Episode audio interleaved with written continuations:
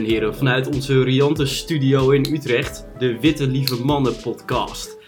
En die naam is misschien nieuw voor u, uh, maar wij zijn drie leuke studerende jongens uit het uh, centraal gelegen Utrecht. Uh, en de naam die steekt er een beetje de draak mee. We zijn weinig divers, maar wel heel lief. En vandaar dat we hier zitten met de Witte Lieve Mannen podcast. Raoul, welke onderwerpen hebben we vandaag te bespreken? Of wie zijn wij eigenlijk? Raoul is er dus sowieso. ja, precies. Uh, um, wij zijn, uh, nou ja, in zijn drie studenten. Ik ben een geschiedenisstudent uh, met een interesse in politiek en economie. Krijn? Ja, ik ben Krijn. Ik ben een student en ik studeer vooral economie en filosofie, zeg ik altijd maar. Want anders wordt het verhaal complex. Nou, ik ben Juri. Ik studeer sociale geografie en daarnaast doe ik economie erbij.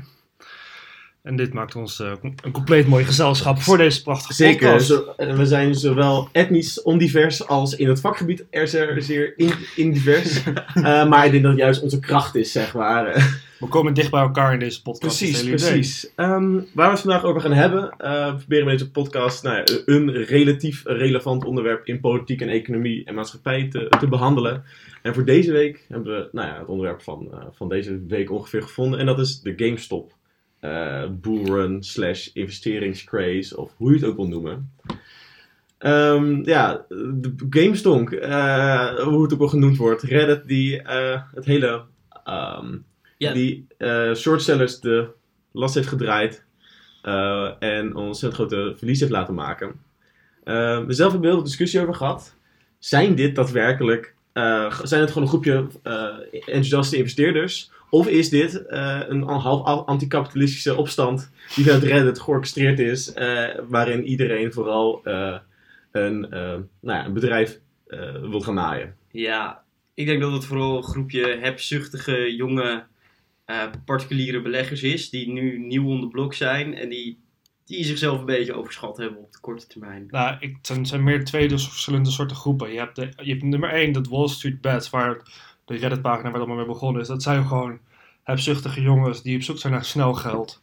Want ze, gokken ook gewoon, ze zijn altijd aan het gokken op de, op, op, op de beurs in New York. Dat is het hele, hele doel van die hele Reddit, zeg maar. Ze gooien alleen maar gokken, gokken, gokken. En het is totaal niet, zit er een gedachtegoed achter. Maar met deze GameStop is het eigenlijk wel interessant beeld wat we nu zien. Is juist dat er ook een soort van gedachtegoed, een nostalgie is waarom ze dit gaan doen. Want je had de short, je had natuurlijk de grote uh, hedge funds. Die gingen shorten op uh, GameStop. Wat inderdaad ze gaan gokken op een, op een uh, koersdaling. En als, je, als de koers daalt, op een gegeven moment gaat het bedrijf gewoon failliet. Dus gewoon klaar voor het bedrijf. En eigenlijk door een nostalgiebeweging is juist een gedeelte van die, van die subreddit juist heel, heel erg erin geschoten. Sowieso bandwagon volgens mij. Zeg maar. Toen het eenmaal uh, dat idee van oh, laten we de shortsellers gaan naaien eenmaal een ding werd, zeg maar er zijn ook allemaal andere groepen erbij gekomen. En ook wat... Zo, en het was ook niet best dat zeg maar, de reguliere media het over ging nemen. En dat het verhaal echt vleugels. Dat is altijd zo. Hè? Op het moment dat de media erin gaat, dan, is het, dan ontploft het direct al. Ja, dat is investeerdersles nummer 1. Als, uh, als je bij de kapper, als je op straat, als je mensen om je heen hoort praten over een aandeel. Dan moet je waarschijnlijk, als je het al hebt, moet je het op dat moment verkopen en je winst nemen. Onze, onze juist kopen. En holden, hè? Holden. ja, holden. dat is echt Tot je zit met de gebakken peren natuurlijk. Ja, precies. Ja, maar ja, ik vind het ook fascinerend. Er is nu een soort van loyaliteit ook. Uh, en is een tendens in de Wall Street bed zelf dat het gewoon gehouden dient te worden. Voor de goede zaak. Ja. Het is al meer dan alleen maar geld verdienen. Want de boys die er daarop zaten, die wisten wel wanneer ze moeten gaan verkopen. Die mensen die echt op Wall Street bed zitten, zelf actief, die hebben het lang verkocht. En dat het klootjes voor zeg maar, dat nu meeloopt.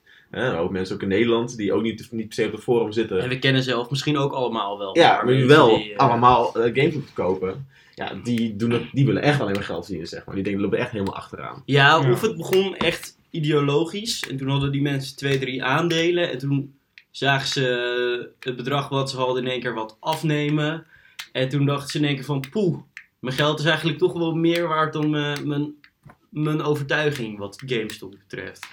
Ja, maar ik denk ook dat, hele, die, dat, dat, dat feit dat er nu een soort van mensen een oproep doen om loyaliteit, op, om te holden, zeg maar. Dat ook wel eigenlijk ook een beetje doorcijpelt dat ze ook niet helemaal goed weten wat nou aan, hoe de aandelenmarkt werkt, zeg maar. Het feit dat je denkt van, oh, als je maar gewoon genoeg lang iedereen overtuigt via een online forum om niet te verkopen, Ja. dan blijft mijn aandelen veel waard. Ja, het werd zo dubbel, want de mensen die, zeggen, die waarschijnlijk zeggen houden, houden, houden, die denken dan, oh, dit is voor mij de kans als iedereen houdt om het te verkopen en Ja. niet met te veel verlies Het weg is te een komen. pyramid scheme bijna aan het worden, hè? Dat mensen elkaar lopen te overtuigen van... eh, Ja, maar dat is ook het idee van waarde van een aandeel. Is van hoeveel geeft een ander ervoor? Dat bepaalt de waarde. Ja, precies. Dus als een hele groep gaat houden en zomaar heel veel waarde eraan toekent, dan blijf je houden de koers omhoog. Ja, die waarde is nu helemaal losgeslagen, want GameStop, puntje bij paaltje, is gewoon een kutbedrijf wat de afgelopen Ja. paar jaar geen Ja. winst gemaakt heeft.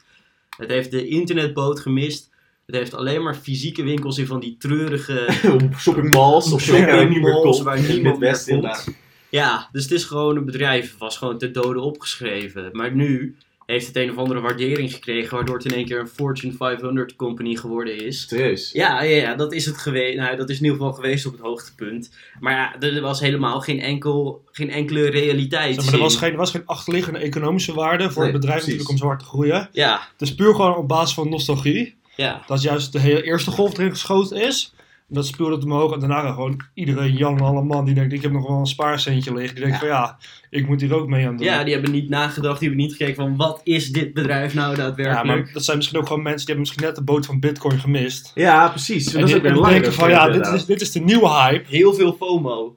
Ja, dus van ik heb de boot gemist van Bitcoin. Ik moet het nu wel meestappen, want nu moet ik wel meedoen. Er is ook een ontzettende cultuur onder jonge, nou, jonge mannen, eh, jonge mensen in het algemeen, om eh, je geld te gaan verdienen op, op de, op, nou, in speculatie. De financiële markt die er misschien vroeger niet was bij jonge mensen. Dat is nu echt een ding geworden. Ja, dat was Bitcoin er- was een enorm ding en nu is het GameStop. Dat is er wel altijd op geweest hoor. Je hebt eh, rond 2000 de dotcom-bubbel Ja, er gehad. waren niet minder particuliere investeerders. Waren gewoon Nou. grote institutionele investeerders die al die bedrijven op, opknalden. dat is ook maar. niet helemaal waar. Want op een bepaald moment dan... Je ziet altijd de, investeer- de particulieren komen er als laatste bij. Maar als het hard omhoog gaat, dan denken particulieren ook van... Oh, ik mag de boot niet missen. En dan heb je op dit moment ook nog 0% rente op je spaarrekening. Dus er gaan mensen die helemaal Ja, niet ja, zouden moeten ja. beleggen. Die denken van... Dit is mijn kans. Ik kan ook een graantje meepikken. En dan, die mensen leiden bijna altijd aan zelfoverschatting. En die realiseren zich niet wat de risico's nou daadwerkelijk zijn van je hele spaargeld in een bedrijf gooien, wat eigenlijk al niet loopt. Het is natuurlijk sowieso is in dat, eh, weet ik veel, sinds de jaren 80 is gewoon die financiële markt veel aanwezig geweest. Hè? Ook in de cultuur, in de economie eh, en ook particulierder. En in Amerika is natuurlijk helemaal erg dat je dan je eigen aandeelportfolio moet op gaan bouwen, zeg maar, 4- 401k. Ja, Eh, dat is echt heel erg particulier. Moet je gaan investeren zelf. Er zijn geen fondsen meer. Dus allemaal, moet allemaal het individu zelf komen. In een, in een economie waarin financiële middelen en aandelen heel belangrijk zijn. Nou, dit weer zo'n eigenlijk zo'n excessen van is, zeg maar voor die mensen zijn er op zich wel goede alternatieven om in te, in te investeren hoor. Zoals ETF's kan je heel goed heel veel spreiding pakken. Ja, maar, deze iedereen, maar het is gewoon het feit dat iedereen wil gewoon, wil gewoon rentenieren in een financiële middel. Dat is was vroeger gewoon veel minder het geval. Als Ja, je ja, geld had, ging je een bedrijfje beginnen. Maar, dat is gewoon niet meer zo. Maar particulieren hebben hier alleen maar gedacht aan rendement en niet aan risico. En dan op een bepaald moment dan worden, worden mensen hebberig en dan gaan ze rare dingen doen. En dat is gewoon wat je gezien hebt, denk ik. Ja, ik vind het gewoon bizar dat sowieso die financiële middelen aan aandelenmarkt, dat het zo dominant is aan het worden, zeg maar. Dat bijna iedereen er wel bijna verwacht van wordt om dat, om dat te gaan doen, zeg maar. Als een, want ja, de mensen die maken de winst aan en heel veel mensen gaan die kant ook op, zeg maar. Mhm. Het is zo dominant en het, maar, zoveel mensen kunnen er eigenlijk gewoon reet van, feitelijk, aandelen. Dat werkt alleen maar als het beste, je kan het meeste aan de markt halen door heel veel kennis te hebben, door veel kapitaal erin kunnen steken. Het rendement Je- heeft gewoon, is ook Niet emotioneel reageren, want deze mensen hebben duidelijk emotioneel maar er is ook onderzoek gereageerd. gedaan. Hè? Rendement is gewoon basis van hoeveel kapitaal je hebt om eh, te investeren. En hoeveel je ook kan uit kan geven aan goed onderzoek en aan bureaus, aan de experts die dan nou, helpen eh, eh, risico's te analyseren. Dan haal je gewoon veel meer rendement uit. Maar Dus ook- ja, Het is ook heel moeilijk om op lange termijn de markt te verslaan. Dus als je gewoon een index koopt, zoals de S&P 500, en je houdt dat 30 jaar vol, dan heb je het eigenlijk over het algemeen beter gedaan dan 99% van de fondsbeheerders die niet gewoon de index dat kopen. is toch gewoon gevaarlijk. Dat heel veel particulieren worden nu nou, gelokt door een cultuur waar het heel belangrijk is om te, gaan- te investeren. Nou, eigenlijk maken ze vooral heel veel verliezen, zeg maar. Ja, En Ja. dat- ja, ik, vind, ik vind dat best wel een kwalijk, eh, kwalijke ontwikkeling. Dat heel veel mensen worden eigenlijk gewoon na- benadeeld voor. En die financiële markt wordt alleen maar groter, want iedereen, Ja. particulieren, steken daar hun geld in. Maar het ding is, die particulieren zijn ook alleen maar de winnaars van die financiële markten. Want je ziet alleen maar die ene enkele gevallen die nu door dit bedrijf ook weer helemaal, die ook weer 13 miljoen hebben verdiend. Ah, ja, niet. Ah ja, een paar. Er zijn Ja, een paar er zijn een ja, paar- je- maar bij deze, deze, deze hype zijn er een paar grote winnaars natuurlijk. En iedereen wil zo van ook een winnaar zijn. Ja. Maar, nie- maar niemand ziet de verliezers, want daar let je gewoon niet op. Die- die- die worden hersen dus nu, eh, heeft nu veel verlies gedraaid. Maar uiteindelijk zijn er ook meerdere hersens waarschijnlijk geweest die op het falen van de, de- deze, de- deze, dit hedgefund hebben gebed. En daar ook weer heel veel aan, aan, verdiend hebben. Ja, en als je op eh, een koers van 400 short bent gegaan, dan is er meer te verdienen dan op een koers van 20 waarop Ja, je short precies. gaat. Ja, ja. kan wel goed om te verdienen, ja. Als, als je het Ik denk dat eigenlijk houdt. particulieren, een paar individuele mensen gaan er echt gaan aan winnen. Maar de meeste gaan allemaal verliezen. En eigenlijk zijn er nog steeds in de eh, institutionele beleggers die er het meeste winst Ja. halen. Wat vinden jullie van, eh, want jullie zijn een beetje linkse jongens, we moeten eigenlijk Mhm. dus die particuliere beleggertjes, die moeten we dus een beetje beschermen. Dan om het een beetje, het is een beetje weer kort door de bocht en een beetje bot geformuleerd. Ja. Maar eh Robinhood en de Giro en ook Binkbank in Nederland, die hebben een limiet gezet op het aantal aandelen in Robinhood dat gekocht konden worden op een bepaald moment. In Robin Hood. Ja, ja, ja zodat Ja. mensen dus niet, eh, zoals ik gelezen heb bij RTL Nieuws, een jongen van 19 die had 17.000 euro in GameStop gestopt. Nou, zeg maar gedacht tegen je geld. eh, Robin heet je in het artikel, is niet je echte naam. Eh, maar is- ja, sorry, maar het is heel spijtig voor je. Ja. Eh, maar die hebben dus een limiet erop gezet, zodat mensen dus niet dat soort vermogens erin konden stoppen. En dan worden die particuliere beleggers, die alleen maar rendement ruiken, die helemaal niet meer nadenken over risico, die worden dan boos op Robinhood. Wat zitten ze van, ik, heb, ik ben geld misgelopen door jullie, ik kon niet meer goed verkopen of ik kon niet meer goed aankopen waardoor ik de boot gemist heb. Maar ja, is dat dan terecht dat ze boos worden of zijn ze dan Ja, maar ik vind het ook wel... Ik vind ook het bijzonder dat dan zeg maar, een private partij dat alleen maar het platform biedt om te handelen, dat in één keer dan gaat interfereren in hoeveel een particulier mag gaan beleggen en hoeveel die mag gaan handelen. Zeg maar, dat hij, dat zeg maar, zo'n private partij zegt van ja, dit, dit is het maximum. Maar dat heeft ook te maken met wetgeving, want overheden die eisen van dat soort platforms dat ze zorgplicht, eh, dat ze daaraan voldoen en dat ze Ja. zorg dragen over hoe die particulieren met hun geld omgaan. En wat ook heel veel gesproken wordt nu, is dat belangenverstrengeling is, zeg maar. Dat eh, Robin, dat, eh dat Robin Hood dan eh, nou ja, de, invest- de investeerders eh, het hoofd biedt door eh, dit tegen te gaan zitten, zeg maar. De particuliere bullrun, nou, te verminderen in ieder geval. Ja, Ehm, nou, ik denk dat het, dat, het, dat het damage al gedaan is, zeg maar. Ik denk dat het wel meevalt eh, hoeveel die, invest- die, dat groot kapitaal, zeg maar, ge- gered wordt door dit, dit verbod van, of dit Ja, limiet van? Robin Hood. Ik denk niet dat het heel veel verschil gaat maken. ik denk vooral dat het echt particulieren redt, want Ja, dat, dat bedoel ik juist, precies. Het, Oh, ja. redt voor ju- het redt juist particulieren, want die grote bedrijven, die, maken, die, investeerders hebben zo tingen veel verlies gemaakt. Ik denk dat het, nou ja, misschien een klein beetje meer extra verlies zou zorgen, maar het is vooral een hoop investeerders. ja, maar, maar het gaat vooral over sneuwe verhalen van mensen die hun hele spaargeld er nog Ja. in zouden gooien. Ja, maar dat is ook meer gewoon echt, echt, het, eigen, echt het eigen risico dat je hebt je gewoon gaat beleggen. Ja, Het kan heel snel gaan, dat kan ook heel snel in één keer weg zijn. ja. En dan moet je ook een beetje snappen van, als je het gaat doen, is het is wel echt een drempel die je gaat op je spaarrekening is gewoon veilig. Je, Ja. je, je krijgt tegenwoordig dan wel niks, maar in normale tijden zijn er wel iets krijgen Ja. van rendement. Maar nu is gewoon, je gaat de beurs op en alles kan gewoon gebeuren. Ik vind het sowieso fascinerend, misschien wil het heel specifiek ook aan de Amerikaans, Amerikaanse eh, context, is dat ehm, mensen dan niet willen dat de overheid hun beschermt, maar ze iedereen niet vertrouwen en ook heel denken dat die onder hoe je op de markt speelt.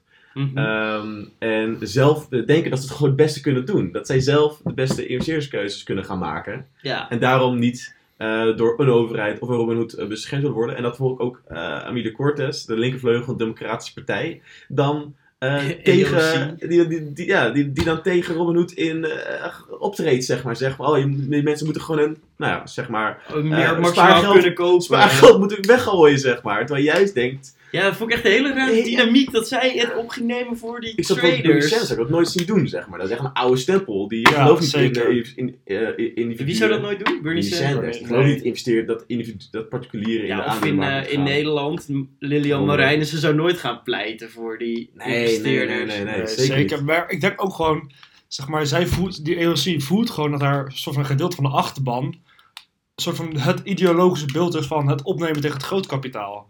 Ik denk dat ze dat op dat gevoel is meegegaan. Oh. En dat ze Ja. zegt ze van, dit, de- deze mensen die nu aan het traden zijn, dat zijn zeg maar de, de, de, de, de, de kleine burgers, die zijn het op aan het nemen in, in een grote movement, Maar- samen tegen het grootkapitaal. Dat is Dat heel is toch heel raar, en die want- moet je niet belemmeren. maar die, die mannetjes die dit gedaan hebben, dat zijn geen EOC-stemmers, denk ik, over het algemeen. Nou, kijk, dat zijn mensen. Nou, deel- zijn- een deel wel, zijn verschillende Deel- groepen, ja. zeg maar. Want je hebt natuurlijk de eerste groep, dat zijn gewoon puur, die gaan voor de winst. Die zijn gewoon Maar maakt niet uit. Maar je hebt ook een aantal grote deel. Die zijn er denk ik wel echt ideologisch ingegaan. Om gewoon het grote kapitaal gewoon kapot te, eh, gewoon kapot te maken door met die short squeeze, zeg maar. Ja. Dus die zijn er gewoon later gewoon ingestroomd, denk ik dan. Gewoon puur om het groot kapitaal een soort van eh, gewoon dwars te zitten. En gewoon zorgen dat zij zoveel mogelijk verlies hebben gekregen. Ja, Ik denk dat dat ook een. Die groep mensen. Die worden dan.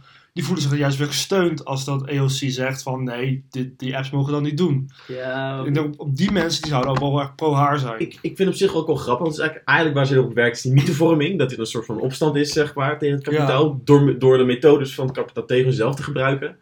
Eh, en dan maar- verliezen ze het spelletje toch. maar ik denk eigenlijk ook heel leuk mythevorming. Maar dat kan je ook gewoon heel erg valse mythes door creëren. Die helemaal niet kloppen. Ja, Eh, waardoor mensen juist weer verder in de problemen geholpen worden. Waardoor uiteindelijk de zaak niet helpt. Ja, maar op het hoogtepunt was echt een hele grote mythe vormen. Zo van, Ja, zeker. wij hebben zoveel, wij, wij hebben de hele beurs op zijn kop gezet. Wij hebben alles, gaan we alles veranderen.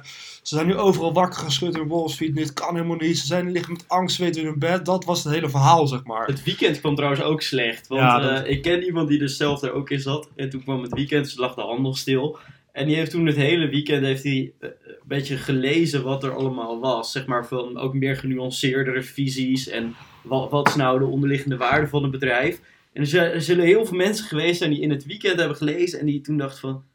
Shit, wat heb ik gedaan? En dan kan je nog ideologisch erin gerold zijn. Als puntje bij paaltje komt, dan denk je toch van... Oei, dat is mijn geld. En heel veel mensen hebben niet de risicotolerantie. Of eh, die zijn er oké mee om in één keer een paar honderd, paar duizend euro te verliezen. Dat is gewoon best wel een heel ander gevoel dan hoe je vooraf inschat, hoe je dat zal ervaren. Ja, ja, natuurlijk. Maar dat is ook hele probleem met de aandelenmarkt. En vooral mensen die niet de tijd of eh informatiedichtheid tot ze kunnen nemen, zeg maar, omdat ze dan in een eentje zijn, achter een laptopje met een baan ernaast. Eh, of nu een corona natuurlijk niet misschien. Eh, dan moet je natuurlijk heel snel handelen. Als je denkt van, nou, dit is de opstand of dit is, hier ga ik heel veel geld aan verdienen, dan ga je op je, op je, donderdag naar je werk, dan ko- ko- koop je even heel veel geld. Heel veel aandelen. Nee, in het weekend inderdaad. Ja. Ja, dan, dan kan je kan je nog even over nadenken. Heb je tijd om even te laten bezinken en even Ja. echt goed onderzoek te doen. In plaats van één podcast die je geluisterd hebt. Ja. of het ene nieuwsartikel dat je gelezen hebt, dat weer gedeeld was op, die, op zo'n lekkere... Ja, een linksforum. NOS-artikel waarvan je eigenlijk achteraf wist van oef, misschien was het niet het goede moment om dan in te stappen. Ja. Ja. Als de NOS het snapt, dan gaat het niet goed. ja, inderdaad. Want de echt grote jongens die lezen veel specifiekere bronnen die echt al een half jaar eerder rapporteren over waar de NOS nu een keer Ja. over rapporteert. Ja, Ja, ik zeker. heb sowieso het idee dat ook dat dan de, de standaard media ook wel happiger en sneller is geworden op dit soort, nou, dit soort bullruns, de ontwikkelingen zeg maar. Juist door die eh, hele ontwikkeling met bitcoin. Die werd eerst amper serieus genomen. Toen het helemaal ging, ging, ging, ging enorm ging groeien, toen, duur- toen duurde het ook nog een paar weken voordat het echt groot het nieuws was. Ja. Ja, klopt. Alleen Bitcoin is fundamenteel wel anders dan GameStop. Ja, dat is, maar dat is ook een groot Dat is ook weer een heel ander, ehm, minder links en veel meer eh, libertarisch gedachtegoed ook achter. Ja, zeker. Ja. Het, is, het is gewoon een anonieme munt. Zeg maar, als jij bitcoins hebt, dan kan je het anoniem uitgeven. Niemand weet waar je het geld aan uitgeeft. Dus Maar dat, geeft, stimuleert ook het hele libertarische gedachte van niemand hoeft, niemand hoeft te weten waar ik mijn geld aan En, en over uitgeef. libertarische jongens gesproken die zowel eh, cryptomunten als eh, GameStop eh, ondersteunen. Waarom zit zit Musk al die mensen de schulden te brengen? Nou, ik denk dat Musk, dat is gewoon een keiharde jongen. En Elon Musk, die is zelf gek en die, die ziet geen risico's. Die heeft ook geen medelijden met andere mensen die verliezen, want hij heeft zelf ook honderd keer alles verloren, bij wijze van spreken. Dus Nou, Musk is gewoon precies die ene ondernemer die eigenlijk eh, geluk heeft gehad, waardoor alles lukte. Dus hij heeft alles hard voor gewerkt. Maar van de, die hebben heel veel Musk gehad natuurlijk. Hè, die, eh, die ook, ook ehm, een PayPal systemen, of elektrische autobedrijven of ruimte eh start-ups wilde creëren, zeg maar, die al mislukt zijn. Elon Musk heeft gewoon net dat, nou, het geluk, het momentum, zeg maar, dat met zijn naam en met zijn successen er ontzettend veel kapitaal weet aan te, aan te trekken. ja, Dus die denkt van, nou ja, eh, als je gewoon doet zoals ik doe, dan ben je een succesvolle jongen, dus eh, luister Ja, naar maar- mij. En mensen luisteren ook Dat gewoon is ook een naar. beetje kwaal van succes. Dat, dat je denkt dat het gekopieerd kan worden. En dat je niet alleen op basis van geluk. Want hij heeft natuurlijk al heel veel geluk gehad. Dat zijn, dat zijn PayPal natuurlijk zo extreem goed ging. Dat hij met een hele enorme winst heeft kunnen Dat is verkopen. precies perfect gelopen. Dat Tesla eigenlijk zo hartstikke zo een, enorm de pan uit schiet op, op de beurs. Wat ook niet zo heel erg echt waardevol niet is. alleen maar geluk geweest Nee, hoor. tuurlijk, maar... Natuurlijk is het hard werken. Maar je krijgt ook gewoon... Het zit wel mee. Dat zit er niet tegen, laat het zo voor, zeggen. Voor Elon Musk waren er 30 andere Muskjes eh, die, eh, die ook eh, met faande autobedrijven of met een, een ruimte-start die niet werkte of een betaalsysteem dat niet op de grond afkwam, zeg maar, die ook helemaal tering hebben gewerkt. Ja, maar die waren niet zo gek als Elon Musk. Dus die hebben het daardoor niet gered ja, uiteindelijk. dus moet je eigenlijk nog een stap gekker zijn en nog minder risicobewust zijn eigenlijk. Ja, Dus je moet nog meer gewoon gaan zoals het gaat en dan, en dan ben je wel succesvol à la Elon Musk. ja, maar ik denk dat Elon Musk geen medelijden heeft met de mensen die geld verloren hebben. Ik denk dat hij gewoon het niet ziet, zeg maar. Hij begrijpt zijn eigen, eigen succes ook niet. Omdat hij alleen maar denkt, eh, dat is gewoon hard werken en slim zijn. Hij is ook wel heel onverschillig trouwens. Ik denk als hij onder een brug zou wonen, zou hij onder een brug wonen. En dan zou hij bezig zijn waar hij mee bezig zou zijn. Ja, ik vind het, ik vind het een fascinerend figuur. En ook hoe die nu gekanoniseerd wordt als een soort van, als een soort van eh Griekse held, zeg maar. Maar het, is een heel, het is een heel bijzonder verhaal. Het is ook gewoon... Voor voorbeeld is hij eigenlijk? ja, als iemand al hier als Musk zou zijn, maar je hebt geen, we hebben geen leuke samenleving of zo. Hij heeft ook Dat helemaal geen stabiele eigenschappen. Je kan Nee. of extreem succesvol zijn, of je kan bewijzen van of als onder een, via, een mooie viaduct hebt. Als je zulke persoonlijkheid hebt. Ja, maar het is ook gewoon altijd echt een dwaas hoor. Hij gooit gewoon al... Toe! Oh, ja. Bijna altijd eigenlijk wel. Nee, maar wel, tegelijkertijd is het ook een held. Ik bedoel, als je Tesla zo opbouwt en als je dan zo bezig bent met SpaceX en dat mensen tegen je zeggen van dit kan je niet doen en dat je dan gewoon doorgaat en Ja. kennelijk vind je dan in één keer toch een manier. Het is ergens ook schitterend tegelijkertijd. Ja, dat Ja, is zeker waar. Zeker, ja. Het is, gewoon één gek, die, die, die doet het gewoon wel. Die stort gewoon alles erin en het maakt niet uit wat gaat gebeuren. Maar af en toe was hij ook, nu is hij weer de rijkste man ter wereld. Ja, dat komt alleen maar omdat gewoon echt al die particuliere investeerders die GameStop ook eh, helemaal de wereld in prijzen. Hun ouders, zeg maar, die investeren massaal in Tesla. ja. alleen de ouders hoor, dat zijn die jongens zelf ook. Die Dus jongens al die, al die mannetjes die dan, eh, die vijftigers die dan met eToro-appjes, eh, of een computer dan, Giro. Nee, ook eh, echt heel veel jonge jongens hoor. Ja, Monde, wanneer, jullie. wanneer gaat dat in elkaar storten, die, eh, die veel te hoge eh, aandelen? Tesla moet letterlijk de helft van de, van de autoproductie in de wereld voor elkaar gaan boksen om, eh, deze, eh, mar- om deze aandelenmarktwaarde Ja, die, goed te maken. ja, maar het is zo de beurswaarde en de echte waarde, er zit zo'n groot gat tussen, dat is echt gewoon onverklaarbaar. Het is Zijn er bedrijven, weet jij dat, Krijn, die echt lange termijn en stabiel een eh overwaardering op de beurs hebben weten goed te maken, te, te, te behouden? Oh, nee. Als iets, eh, als Nee, iets te goed is om waar te zijn, Ja. dan blijkt het vaak ook te goed om waar te zijn. En dan, ehm, het kan heel lang duren. Het kan sneller komen dan je denkt. Maar uiteindelijk komt er dan een correctie. Alleen, je weet nooit hoe lang het duurt. Het kan net zo goed nog twee jaar gewoon zo doorgaan. Dus er kunnen heel veel mensen heel rijk worden. Maar ja, weet je, voor een bedrijf dat 1,2 miljard winst maakt en 500.000 auto's bouwt in een jaar, daar kan je niet een waardering van 500 miljard Ja, maar natuurlijk streng ook, eh, streng hoe volatiel ook die, die markten zijn en die aandeelhouders snel ze ook weer wegrennen met z'n allen. Eh, Volkswagen, nog steeds de ene grootste autofabrikant in de wereld. Nou, één keer een dieselschandaal, wat ook wel heftig was. Mhm. En eh het hele bedrijf is half wordt op de aandelenmarkt te gronden gericht. Ja, En dat is nu, dat is nu bouw- terug, teruggetrokken, zeg maar. ja, maar zo'n correctie op Volkswagen dat was ook niet echt reëel. Want het is ook niet alsof de helft van de waarde van het bedrijf weg is. Ja, ze gaan wel moeilijke, ze gingen moeilijke rechtszaken tegemoet en ze moesten dure schikkingen treffen. Maar het is niet zo dat, ze, dat het bedrijf niet meer zou kunnen bestaan. Nou ja, ze hadden gewoon imagoverlies en ze waren gewoon niet meer betrouwbaar partner eigenlijk in, als een autobouwer. Ja, Maar hun productiecapaciteit die bleef nog steeds bestaan. En toen zijn ze ook helemaal ingegaan op eh, elektrische auto's. ja, En ik denk van de hype van de markt voor elektrische auto's. Ik denk dat je met die hype mee. zijn ze ook gewoon weer eruit, eruit gehaald uit het, uit het Ja, dal. dus eigenlijk heel weinig van die hype hebben we meegekregen. Terwijl met die, nou, die nieuwe van die modellen zie je overal. Voor mij wordt Volkswagen wel een enorme eh, fabrikant. Ook omdat ze ook die productie uit kunnen knallen als een malle. Maar weet je wat het ook is? De autosector is sowieso een wat moeilijkere sector. Waarderingen van dat soort aandelen, van die standaardbedrijven, die liggen normaal gaan die voor eh, minder dan 20 keer koers winst. En, winst. en Tesla is dus ja, 500 koers Ja, maar ja, ik denk dat het dus wel interessant is. Want eigenlijk die waardering voor Tesla en nou ja, dan trekt ook een beetje de auto-industrie mee, is een van een tech start-up. En dat zijn natuurlijk op bedrijven die heel snel kunnen veranderen, die eh, groot en klein kunnen worden, die, kan, die, die kunnen hun patenten verkopen en dan is direct eigenlijk, het is alle waarde van de auto, die, van het hele bedrijf direct weg, zeg maar. Ja. Die grote industriële conglomeraten. Dat Maar heel- Tesla dat doet niet aan heel anders, zeg patenten. maar. Nee? Nee, Elon Musk heeft echt al vrij. vijf jaar geleden alles vrijgegeven. Ja, maar daarom is het zo bizar dat die aandelen zo volatiel zijn. Want dat, de Dat ze zo hoog staan, dat ze volatiel Ja. zijn is niet raar, maar dat ze... Ja, zo- juist. Het zijn, gewoon fabrieken en, productiefaciliteiten, Ja, zeg ja, maar. maar die volatiel is dat het hard schommelt. Ja, Ja, weet ja, ik. Maar dat is logischer, denk ik, bij een, een tech-startup die ook heel veel kan verschuiven. Die ook gewoon, als iemand die, die gesoord wordt, zeg maar, bedrijf weg, maakt niet uit. En dat schuift wel heen en weer. Maar zo het dan een enorm bed- een bedrijf. Ja. Ik- Dat wordt wel geld, dat wordt aandelenmarkt, dat zit er wel met Maar- de kloten. Maar Maar ik denk dat de aandelenmarkt ook een beetje over de toer aan het gaan is nu. Er zit gewoon te veel geld in die markt. ja, er zit er geld in. En het weet ook gewoon niet waar het heen moet. Dat is ook een heel groot probleem. Er zijn heel veel dingen gewoon aan het bubbelen nu. Dat is nou, eh, alles is op omhoog aan het schieten en het schieten en het schieten totdat het klapt. En dan is het een bubbel geweest. Maar ja, normaal zouden Ja, heel is veel van die investeerders zouden hun geld of op een spaarrekening zetten voor eh, rente of obligaties kopen.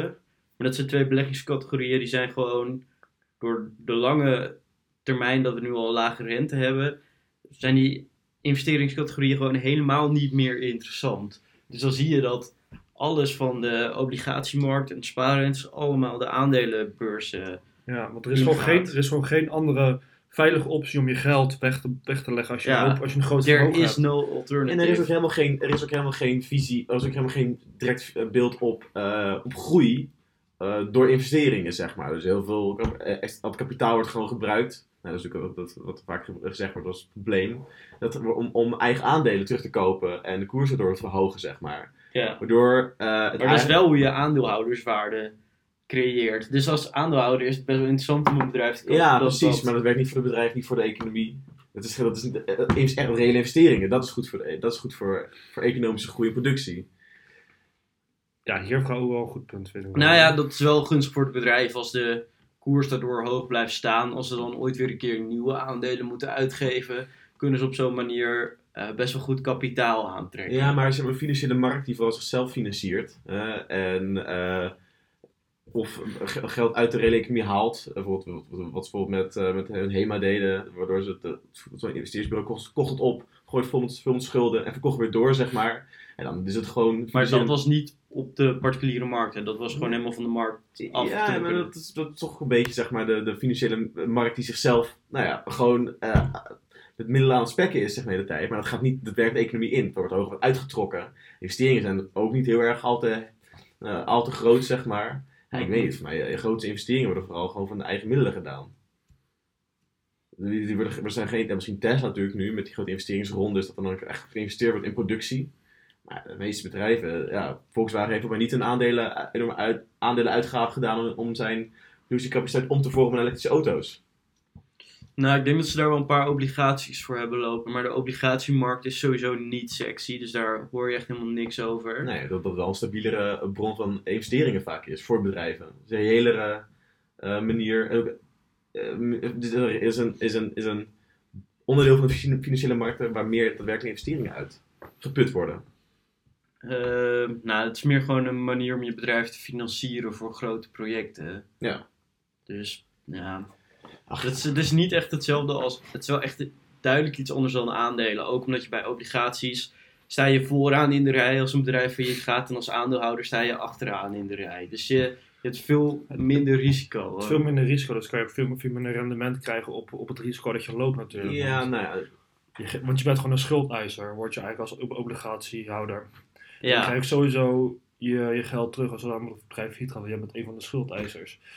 ik ben, kritisch, ben ik een kritisch jongen en ik, eh, en ik, kritisch- Nee, ik ben dat wel een beetje sceptisch over de dominante rol die de aandelenmarkt denkt te hebben in, daadwerkelijk, aan, in de daadwerkelijke economie, zeg maar. In de Ja, het is wel een soort van een overhyped, overhyped functie van ons financiële systeem eigenlijk. Ja, het is gewoon een bubbel. dat, dat, dat is die bubbelwerking ook best wel heftig. Je hebt gewoon bubbels in financiële markten. En die bubbels die verdwijnen vanzelf weer een keer. Maar het is ook zo bijzonder dat we het gewoon voor lief nemen, zeg maar, die bubbels. Ja, dat, hoort er gewoon bij. Ja, dat is gewoon normaal. Ja, de Tweede Wereldoorlog, je hebt natuurlijk het Bretton Woods systeem opgezet met als specifiek doel eh, om ook internationaal, eh, internationaal kapitaalverkeer aan band te kunnen leggen. Eh, ik bedoel, hoe heet het? Als ik eens Goldfinger heb bijvoorbeeld, die film, wat hij doet, Goldfinger, die smokkelt goud de grens over. Ehm, en nou ja, dan zeggen we dat mag nu gewoon. Naar welk land? Ja, Naar de van- VS. Nee, eh, van VS naar Engeland. Even van Ja. Engeland naar de VS. Ja, want er, niet, particulieren mochten toen geen goud hebben in de VS. Nee, precies. Dat En- was verboden. En je denkt van, nou, eh, dat mag nu gewoon. Omdat, omdat, omdat, omdat eh, kapitaalverkeer is gewoon, is gewoon vrij. Maar destijds was het een, des, was het een directe aanval op de, op de, op de waarde van munten. Ja, en, maar en het dan- een zeer gereguleerde financiële systeem onder Bretton Woods. Maar dan is misschien meer het probleem tegenwoordig dat er geen onderliggende waarde is van geld. En er is gewoon dat, ja, dat denk ik ook. En een te vrij kapitaalsysteem, dat ook niet direct eh, eh, investeringen ten goede doet per se. Eh, maar wel nou, ontzettende Nou ja, geld- heeft. Dat ook best wel dus, kwalijk is en consumptie tegen zit. Als het, als, het- als het weer gebust is, zeg maar. En de meeste consumptie die er is, is in de financiële, middel, in de financiële markt. Waardoor het consumeert vooral weer nieuwe bust.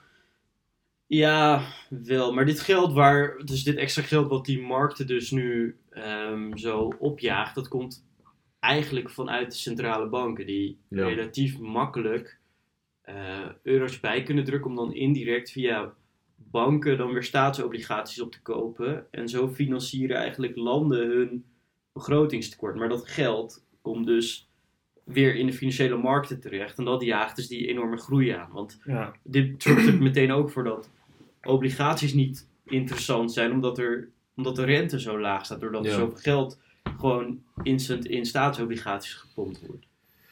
Dus ja, en dat zorgt ook voor een hele grote hype op de aandelenmarkt natuurlijk. Want Ja. er zit gewoon nu een enorm grote hoeveelheid geld, wat we de afgelopen tijd aan het zijn geweest. Het gaat van de centrale bank natuurlijk gewoon gelijk de financiële markt in, omdat het gewoon aan obligaties te opkopen zijn, Ja. om ze laag te houden. Maar de mensen die dan het geld krijgen, onder, onder andere banken, die gaan dat niet... Het idee is dat ze dan makkelijker leningen uit gaan geven aan gewoon bedrijven, zodat die bedrijven makkelijker kunnen investeren. Maar een heel geld blijft ook gewoon doordraaien soort van in het hele systeem van, de financiële, van het hele financiële systeem. ja, Het blijft er een beetje in hangen, zeg maar. ja, En doordat we er maar geld in blijven pompen en het gaat maar door, blijft eigenlijk, wordt eigenlijk die financiële bug die fin- wordt steeds, steeds groter. Nou, dan zie je ook gewoon een hele hype Ja, overal. En is ook heel makkelijk. want Dat is, dat, is, dat is de belofte. Er hoeft niet voor gewerkt te worden aan geld daar, zeg maar. Hoeft Nee. niet geïnvesteerd te worden. Er hoeft, er hoeft geen, er hoeft geen productie opgezet te worden. Er hoeft niet, er hoeft geen investe- niet eh, daadwerkelijk uh, geproduceerd geconsumeerd te Je hoeft worden. niet voor... Het is Nou, heel zeg interessant, zeg maar. zeg maar, als je, als je geld verdient op de financiële markt, hoef je niet met je handen iets te gaan maken, zeg maar. Je moet gewoon een beetje kennis hebben. Nou, maar die kennis, dat, daar zit best wel veel voorwerk in. Dat mag je echt niet bagatelliseren. Want Maar- je moet wel je cijfers kennen en snappen wat voor mechanismes er aan het werk Want zijn. Maar je kan wel zeggen dat dat geen inspanning is, maar dat is ook gewoon Nee, een inspanning. gelijk, Je voegt misschien geen waarde toe voor andere mensen, maar dat is. Tuurlijk, maar, het- eh, maar dan is iedere handelaar, is zeg maar. Zelfs iemand die eh, boeken inkoopt en doorverkoopt, is dan ook nutteloos. Fair. Maar wat ik bedoel... We zijn, ik bedoel, we zijn toch geen fysiocraten hier? Nee, nee, nee, nee. Nou, eh, het, het, is, het is natuurlijk wel het idee, zeg maar. Dat is gewoon het probleem. Al die financiële middelen zijn er. Die spinnen rond. En de overheid, nou ja, vaak is het beleid gevoerd het idee dat soort van meer investering. investering blijft gewoon achter, zeg maar. Er wordt minder geïnvesteerd dan die financiële markt eh rondzweemt. En in die financiële markt gestopt wordt. Dus dat die, bul, dat die, die markt wordt groter. Maar de, de, daadwerkelijke reële investeringen blijven achter. Ja, maar het is ook steeds moeilijker om, Ja. in, de, om zeg maar in de reële economie eh, kansen te vinden waar je geld mee kan verdienen met investeren. Omdat er gewoon diminishing marginal returns zijn. Dus Ja. des te groter je economie is, des te minder makkelijk het is om iets te vinden wat echt veel oplevert. Omdat de echt grote kansen, die zijn al benut. Ja, eh, precies. Ja, maar je moet, je moet gewoon. Het is juist als je zo, als je zo vooruit loopt als een economie, dan ben je gewoon heel erg innovatie open. Dat je een innovatieve doorbraak hebt waar je dan weer heel veel economische groei uit kan halen, zeg maar. Ja. Maar, ook, maar er zijn nog zoveel, de, al het laaghangende fruit is al geplukt, zeg maar. Dus Ja. je moet echt heel veel geld in gaan investeren om iets. Om is iets daar dan een grotere iets- rol voor overheidsinstellingen vormen. Echt met enorm veel kapitaal, eh space race-achtige bedragen, echt nieuwe dingen te kunnen doen. En ook, te kunnen, eh, en ook particulieren en marktinvesteerders eh, te kunnen enablen. Zodat die, nou, dat, er, dat er nieuwe bomen gecreëerd worden, zeg maar. Zodat mensen weer laaghangend fruit kunnen gaan plukken. Ja, misschien wel, maar er zijn ook landen in de wereld waar gewoon nog laag fruit is. Zeker. Dat is zeker waar. Maar dat, maar dat zag je nu in Nederland. We hebben, we hebben het Wiebes Fonds. Dat zou 80, voor de coronacrisis zou dat 80 miljard worden. We zouden 80 miljard van de financiële markt afhalen. Ja, En als, Nederlands, als de Nederlandse overheid zou dat gaan investeren in dingen in Nederland. Daar heel veel kritiek op dat fonds ook. En het Ja, is niet sowieso. heel duidelijk of het echt een goed fonds is. Ja, maar ze maar, ze met het hele fonds, dat werd ook gelijk bij de hele bureaucratische molen van Nederland Het ingesmeten. werd ook heel politiek. ja. Heel politiek meteen. En het was totaal niet meer met een. Zo van een, je had ook gewoon een onafhankelijk team economen erop kunnen zetten. En die, ging, die gingen dan beetje, be- beetje vooruit inzicht hebben wat, wat gaan we doen met het fonds. Maar nu was het zo van, ja, schiet maar gewoon raak. Ja, kom maar met een plan en dan, eh, dan gaan we het wel uitvoeren met dat geld. Lijkt nu wel allemaal infrastructuurprojecten eh, kansen te ja, maken maar wat we, nu, dat wat we geld. nu krijgen is dat gewoon de metro van Amsterdam weer wordt uitgebreid met dat geld. Ja, en er komt misschien eh, de Lelylijn. Dat is een, eh, een treinverbinding van, eh, naar, van, via Groningen Ja, naar precies. Ja, dan zijn de op. Via, Ja. ja. Dan zijn de centen weer op. Nee, dat valt wel mee. De Lelylijn is maar eh, 4 miljard mee. Ja, dit- maar, maar, maar we hebben nu maar 20 miljard voor dat fonds. Omdat eh, dat we zoveel geld uitgeven aan het hele steunpakket voor de coronacrisis natuurlijk. Maar ja, de 4 miljard voor die ledenlijn en 4 miljard gaat Shell Amsterdam krijgt er een paar miljard voor om, maar 12 waterstofgas eh, Maar je moet, je moet zeg maar ook echt... Dat geld moet je eigenlijk gewoon investeren in gewoon puur gewoon in onderzoek gewoon eigenlijk. Van hoe kan je zo snel mogelijk gewoon nieuwe technologieën gaan ontwikkelen hier. Of nieuwe innovatie. En dan gaan kijken of je daarmee doorbraak kan krijgen. Ja. Dat zou natuurlijk veel interessanter zijn. Maar wie gaat dat onderzoek dan doen? Ja, technische universiteiten zou het, leuk, zou het leuk zijn. Maar ja, Maar dat is ook een beetje. eh, Kunnen ze dat geld echt nuttig gebruiken? Ik heb niet het idee dat technische universiteiten op te weinig geld zitten. op Die eh, hebben zo ontzettend bal met geld. Voor mij is dat wel prima. Ja, Maar dan, maar dan zie je het hele, hele, het hele plaatje van, wij moeten als overheid investeren, maar je moet het efficiënt doen. efficiënt doen, maar waar, waar gaan we het in doen dan? Dan kan je wel zeggen, leuk als, als Nederlandse overheid, hebben hier een potje met geld.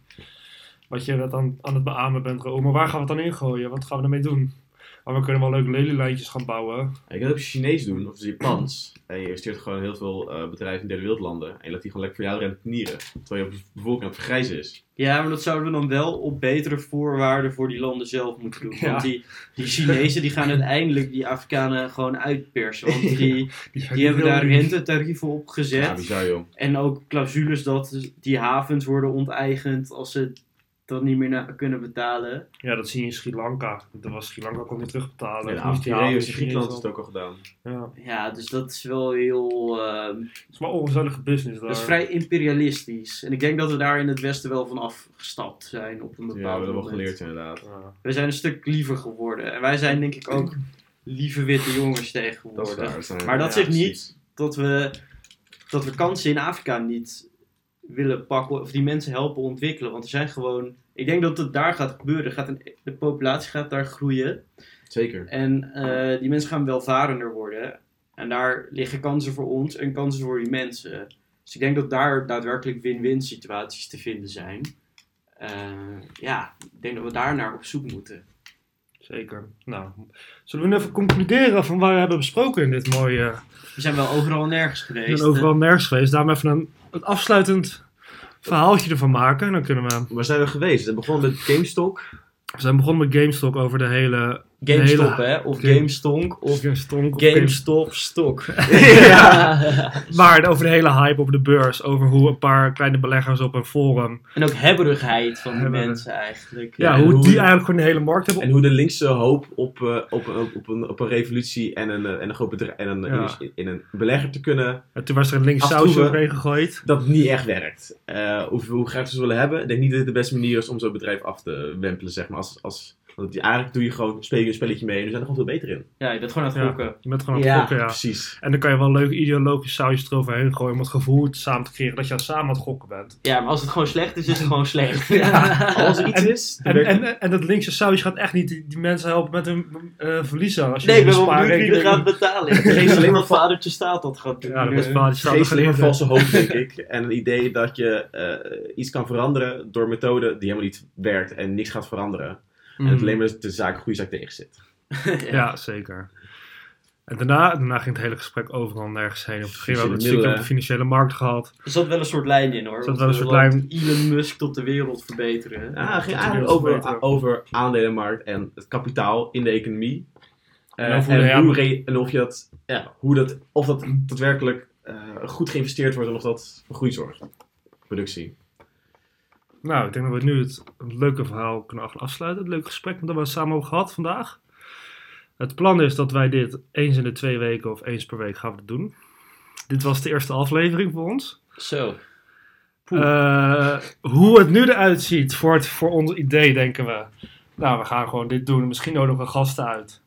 Als we interessante mensen vinden voor een leuk verhaal. Die met ons ook in gesprek willen. Dat is wat het belangrijkste eigenlijk. Ja. Dan staan we er zeker voor open. Ze En, kunnen, eh, voor nu kunnen mensen mailen naar, waar kunnen ze naartoe mailen als ze iets willen zeggen gewoon? Of Doen we de shot eh, e-mail. Nou, doe maar de shot e-mail. Wat is die ook alweer? Dat jij weten. Eh, het is zware sturen genootschap. Apenstaartje gmail.com. Het zware sturen dispuut trouwens. Oh, We moeten echt een beter mailadres We hebben gaan- de volgende We gaan een mailadres regelen, maar dit komt goed. dus welke is het nou? Het zware sturen dispuut at gmail.com. Ja, dat. Dat ja. is ons e-mailadres.